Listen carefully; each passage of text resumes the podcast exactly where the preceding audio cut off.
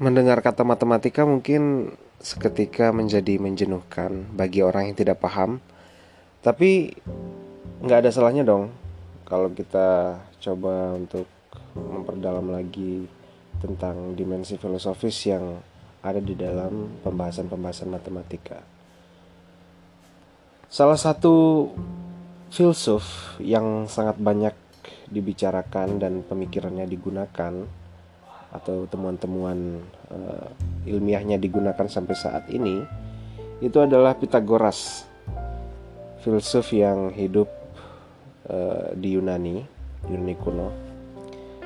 Ia masuk ke dalam filsuf Prasokrates. Jadi dia hidup jauh sebelum Socrates era Socrates teori Pitagoras banyak digunakan juga di dalam uh, pengukuran-pengukuran. pengukuran bidang seperti pada keilmuan geodesi misalnya ataupun arsitektur di mana memang segitiga itu adalah bagian yang nggak bisa dilepaskan dalam hidup kita. Misalnya bangunan rumah itu pasti ada salah satu bagian yang e, merupakan segitiga, segitiga siku-siku lebih tepatnya. Ternyata kalau pembahasan matematika semacam itu, pembahasan matematika dalam uh, dunia pengukuran atau geometri ditarik ke dalam uh, ranah filsafat kepada pendiri dari teori Pitagoras ini, Pitagoras itu sendiri, maka sebenarnya ada hal menarik di mana Pitagoras percaya bahwa alam semesta ini bisa ditemukan prinsip yang mengaturnya, yaitu tidak lain adalah prinsip matematis.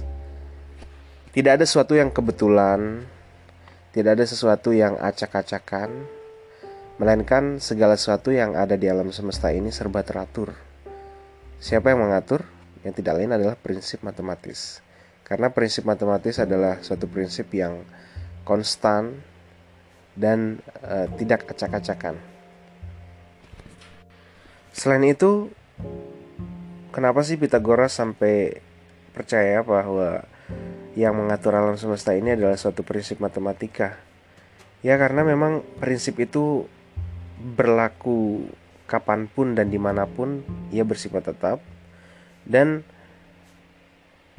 masuk ke dalam logika manusia dan bersifat tentunya ya bersifat pasti dan terukur.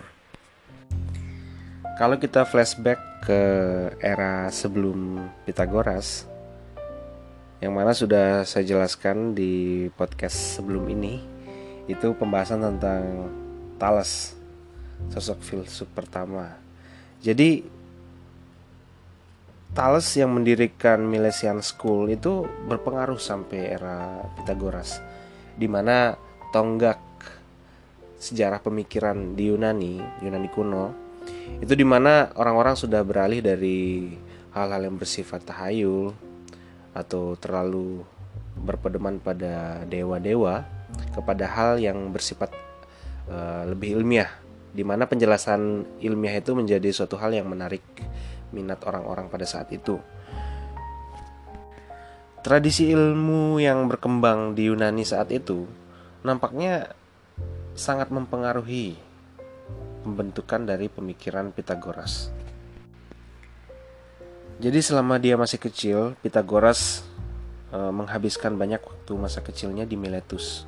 Di mana Miletus ini merupakan daerah yang didominasi oleh e, oleh tradisi intelektual kaum Milesian atau Milesian School di mana semuanya serba rasional.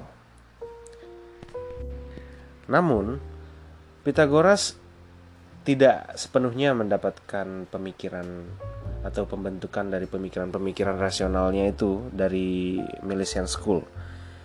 Ia mendapatkan pencerahan tentang matematika ketika ia melakukan perjalanan ke Mesir. Tapi Pitagoras tidak terlalu tercengang dengan apa yang ia temukan selama perjalanan menuju Mesir dan ketika ia singgah di Mesir. Karena kultur intelektual yang sangat rasional itu lebih dulu ia rasakan sewaktu ia tumbuh dan berkembang di Miletus. Tentang kehidupan Pitagoras itu memang nggak nggak banyak uh, bisa kita temukan teks-teks karena Pitagoras sendiri tidak pernah menulis karya-karya atau pemikiran-pemikirannya yang dituangkan ke dalam bentuk uh, magnum opus yang berupa tulisan. Oleh sebab itu sedikit orang yang tahu tentang Pitagoras uh, meskipun banyak juga pemikir-pemikir hebat di Yunani contohnya Poripri yang menulis bahwa Pitagoras adalah sosok yang sangat ia kagumi, sangat berpengaruh di dalam uh, peradaban barat, terutama peradaban di dalam uh, konteks Yunani kuno. Soal keberadaannya pun masih simpang siur. Ia lahir di mana dan meninggal di mana eh, nggak uh, pasti. Ilmuwan belum menemukan suatu kepastian tentang kehidupan Pitagoras. Tapi memang Pitagoras ini ya sejauh yang saya yakini memang benar-benar ada. Dia bukan tokoh fiksi yang diadakan oleh pemikir-pemikir yang menulis tentang suatu teori lalu mempersonifikasikan imajinasinya ke dalam suatu tokoh tertentu. Bukan seperti itu. Kalau di era kontemporer para ilmuwan, terutama filsuf-filsuf kontemporer itu percaya kalau Pitagoras ini lahir di Pulau Samos. Yang di mana Pulau Samos ini itu berdekatan dengan Turki, teritori Turki di era sekarang, dan bahkan merupakan bagian dari Turki. Pelajaran hidup yang bermakna yang bisa kita petik dari Pitagoras, ia sem semasa muda tidak seperti para muda-mudi pada umumnya ya, di mana banyak yang asik bercinta, asik menulis puisi-puisi cinta, dan asik di gimnasium misalnya. Walaupun gimnasium itu e, sangat diapresiasi oleh Socrates misalnya. Karena di dalam gimnasium itu kita bisa menemukan pengasahan potensi manusia. Tapi yang menjadi satu hal yang luar biasa dari Pitagoras semasa ia muda ya gemar berjalan gemar jalan-jalan menimba ilmu dari siapa saja dan merenung. Merenung dalam uh, koridor uh, konfigurasi matematik ya di mana ketertarikannya pada suatu hal yang bersifat rasional itu memenuhi uh, kapasitas otaknya. Di mana uh, pengaruh yang kuat juga seperti yang sudah uh, saya bicarakan sebelumnya bahwa lingkungannya juga membentuk bagaimana ia menelurkan pemikiran tapi Pitagoras tidak sekering matematikus yang hanya mendewakan angka. Uniknya ia berusaha untuk menspiritualisasikan angka itu sendiri.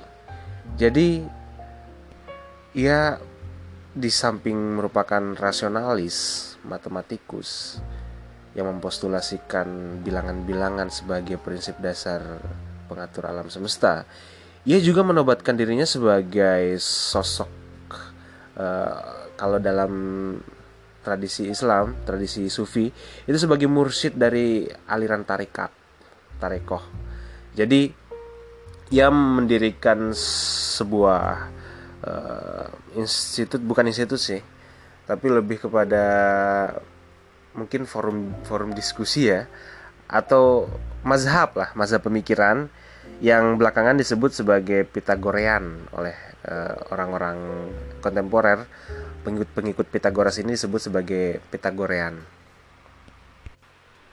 Ada juga yang menyebutnya sebagai Pitagorean Academy, jadi Akademi Pitagoras. Di mana pemikiran-pemikiran Pitagoras merupakan hal yang menggerakkan uh, roda intelektual di dalam komunitas itu. Selain sebagai sosok yang rasionalis, sekaligus matematikus cadas, ia juga sosok yang sangat religius dan uh, sosok yang penuh dengan uh, tahayul bisa disebut sebagai itu ya dia dia gemar sekali bertahayul ria makanya ia sampai berani berkata bahwa saya adalah pimpinan dari tarekat tarekat matematika yang berpedoman pada suatu aspek spiritual yang ada di balik angka yang mengatur alam semesta ini. Salah satu bukti dari keunikan Pitagoras ini, ia percaya, sangat percaya pada reinkarnasi dan perpindahan jiwa. Jadi bukan berarti ia menafikan hal yang bersifat spiritual ya, karena dia uh, sangat menekankan pada konfigurasi matematika. Tapi di balik angka-angka itu ada sebuah kekuatan spiritual yang tidak hanya bersifat mekanik dalam mengatur alam semesta, tetapi hal tersebut juga mengandung suatu nilai yang spirit, spiritual. Tapi ia tidak mau uh, terjerumus ke dalam ke dalam uh, aturan-aturan main uh, agama ya, terutama politeisme yang berkembang di Yunani pada saat itu. Ia secara gamblang menyebut dirinya sebagai nabi virtual. Nah, penyebutan dirinya sebagai nabi virtual ini itu ketika ia uh, menyebarkan pemikirannya, menyebarkan ajarannya di uh, Kroton. Kroton itu desa kecil, desa desa nelayan kalau nggak salah di daerah e, Italia bagian selatan yang juga dekat sebenarnya sama e, Yunani. Lalu tentang aliran kebatinan atau tarekat yang didirikan oleh Pitagoras ini itu unik juga karena ada ritual khusus yang mereka e, lakukan secara rutin. Salah satunya diet ketat jadi ini mirip seperti aturan-aturan para biku yang tidak memakan daging dan melakukan diet ketat. Aturan-aturan makan itu sangat uh, strict di sana. Di mana diet ketat ini oleh Pitagoras itu uh, ditujukan supaya jiwa kita menjadi bersih dan kita menjadi dapat dengan mudah menemukan pencerahan dalam uh, kehidupan ini.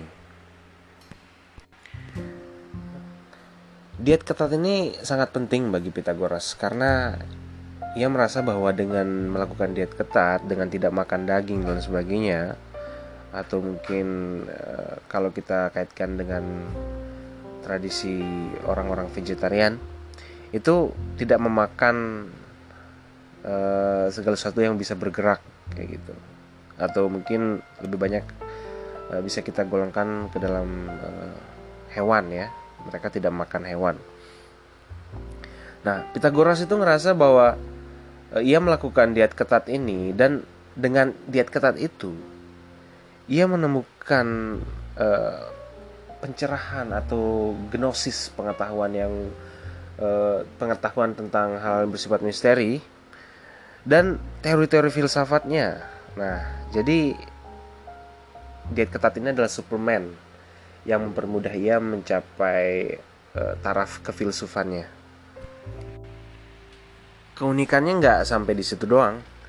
Pitagoras uh, disebut-sebut memang sangat mumpuni dan luar biasa sekali, di mana dia bisa mendamaikan dua kutub yang terlihat tidak bisa akur seperti air dan minyak ya di mana di dalam kehidupannya ia bisa mendamaikan antara uh, dimensi mistik, dimensi spiritual itu dengan dimensi keilmuan, dimensi sains yang sampai saat ini memang lebih banyak orang melihatnya sebagai suatu hal yang saling uh, mengkontradiksi satu sama lain.